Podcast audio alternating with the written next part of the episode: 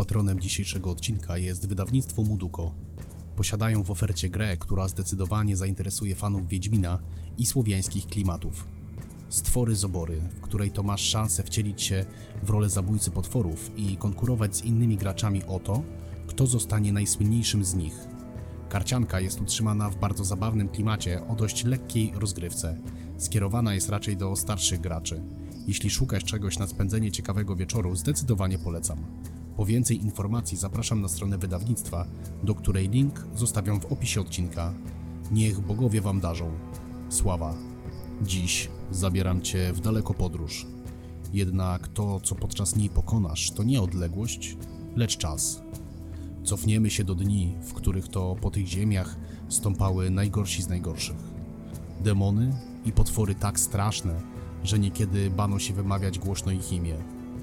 Południca, licho, bies, czort czy zmora. To tylko niewielka część tego, co czyhało na życie i zdrowie naszych dziadów. A kto wie, może są z nami do dziś, jednak wycofały się, by nabrać sił i wrócić, gdy nadarzy się okazja. A wtedy musimy być gotowi na wszystko. Jednak do czego zmierzam?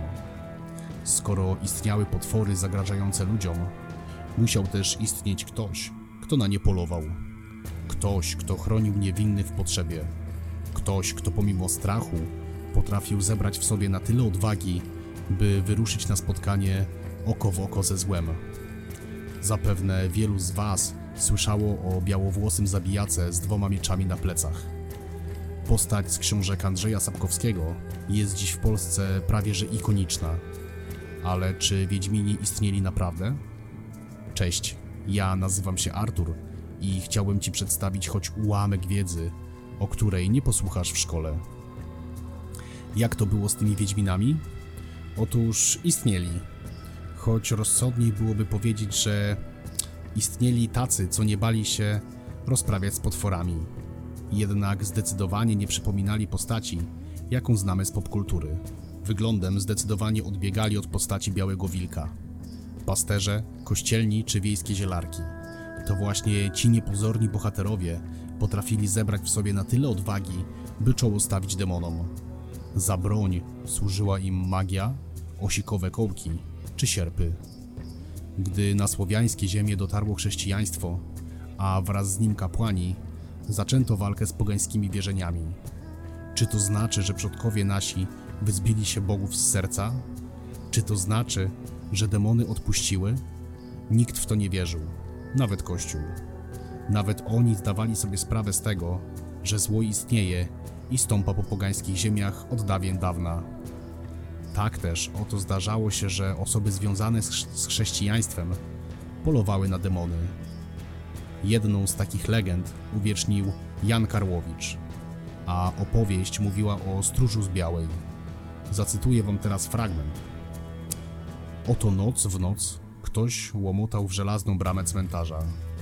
Stary stróż, kiedy zorientował się, że ma do czynienia ze zmarłym, który powstał z grobu, szybko załatwił sprawę. Wziął igłę, nawlókł ją nicią z kłębka i wbił w upiora, nim ten zdążył zatopić w nim zbruszałe zębiska. Kiedy żywy trup wrócił nad ranem do mogiły, kościelny, niczym Tezeusz po nici Ariadny, dotarł do schronienia potwora. Następnego dnia razem z księdzem rozkopali grób, włożyli w usta strzygonia trzygroszową monetę, czyli tak zwany obol zmarłych, wywodząca się jeszcze ze starożytności symboliczna opłata za transport w zaświaty. I przełożyli trupa na brzuch. Od tej pory już nie opuścił swojego grobu. Jak widzisz, to, że ktoś należał do kościoła, nie znaczy, że nie wierzył w istnienie siły, o której nie miał pojęcia. Poza kościelnymi przeganianiem potworów zajmowały się też zielarki. Jedną z nich była szeptucha ze wsi Młynarze z Podmakowa. Za drobną opłatą udawała się na miejsce, gdzie demony były widziane, a tam dom taki okadzała ziołami, okładała brudnymi szmatami i szeptała zaklęcia. Jednak ciężko uwierzyć, że potwory bały się tej skromnej staruszki. Dużo większym szacunkiem cieszył się działający na tych samych ziemiach owczarz z czarnostwa. był tak skuteczny, że posyłano po niego z arystokratycznych dworów z Podłomży i Płocka. Jak potworów się pozbywał? To nie do końca jest dziś wiadome. Woził ze sobą worek, do którego nikomu nie pozwalał zaglądać. Po dotarciu na miejsce właził sam do nawiedzonego domu i spędzał w nim noc. Cóż działo się w środku? Tego nie wie nikt. Gadało się tylko, że ze środka słychać jęki, wrzaski, odgłosy walki i trzask bata. Rano wychodził poturbowany z pełnym workiem. Z nim natomiast od razu udawał się w stronę zbiornika wodnego i podtapiał to, co znajdowało się w środku. Mówiło się, że jest diabelsko skuteczny, ale też łasy na pieniądze. Wedle legendy, jego dobra passa skończyła się, gdy w swej chciwości dał przekupić się schwytanej z. A to był wielki błąd. Od tego dnia złe duchy przestały się go bać i słuchać, a ten, utraciwszy swą moc, zmarł jako żebrak.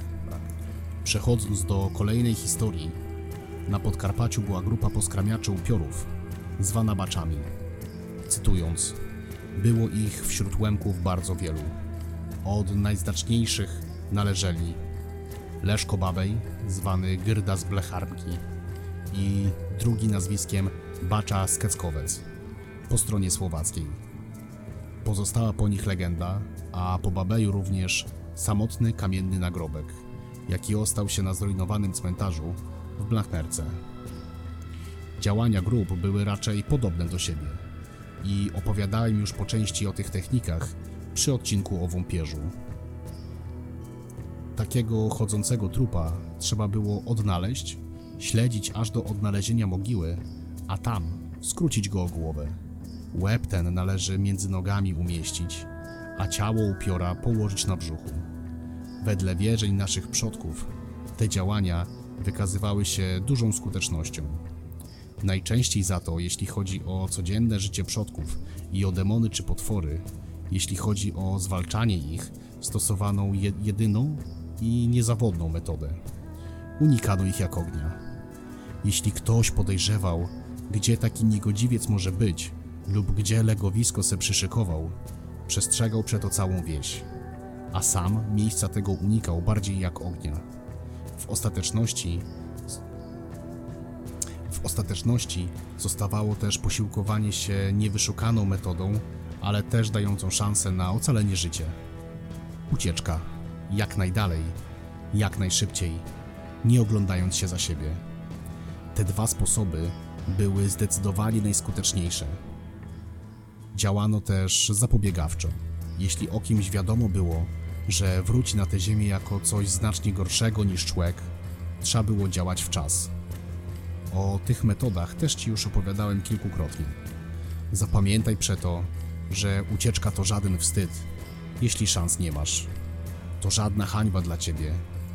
A następnym razem, kiedy przysiądziesz przy ognisku, spójrz w ogień, poczuj powiew wiatru, usłysz ludowe pieśni, poczuj zapach mocnego alkoholu, rozejrzyj się dookoła, sprawdź, czy przypadkiem nie przygląda się Tobie coś, przed czym być może masz jeszcze szan... Rozejrzyj się dookoła. Sprawdź, czy przypadkiem nie przygląda się tobie coś, przed czym być może masz jeszcze szansę uciec. Sława. Na koniec zapraszam Cię na facebookową grupę i Instagram. Link znajduje się w opisie odcinka. A jeśli chcesz wesprzeć ten projekt, zapraszam Cię do postawienia mi wirtualnej kawy. Link również w opisie odcinka. Niech stare bogi trzymają Cię w opiece. Sława. Nasi przodkowie Słowianie nigdy nie zostawiali swoich w potrzebie. To samo chciałbym uczynić i ja. Niedawno odszedł z tego świata wspaniały człowiek, świetny tata, dobry mąż, ale przede wszystkim świetny przyjaciel. Aby wspomóc rodzinę w tych trudnych czasach, została utworzona zbiórka. Jeśli chcesz ich wesprzeć, link do zbiórki zostawię w opisie odcinka. Niech starzy bogowie mają ich teraz w opiece i niech błogosławią tym, którzy zdecydowali się im pomóc. Sława.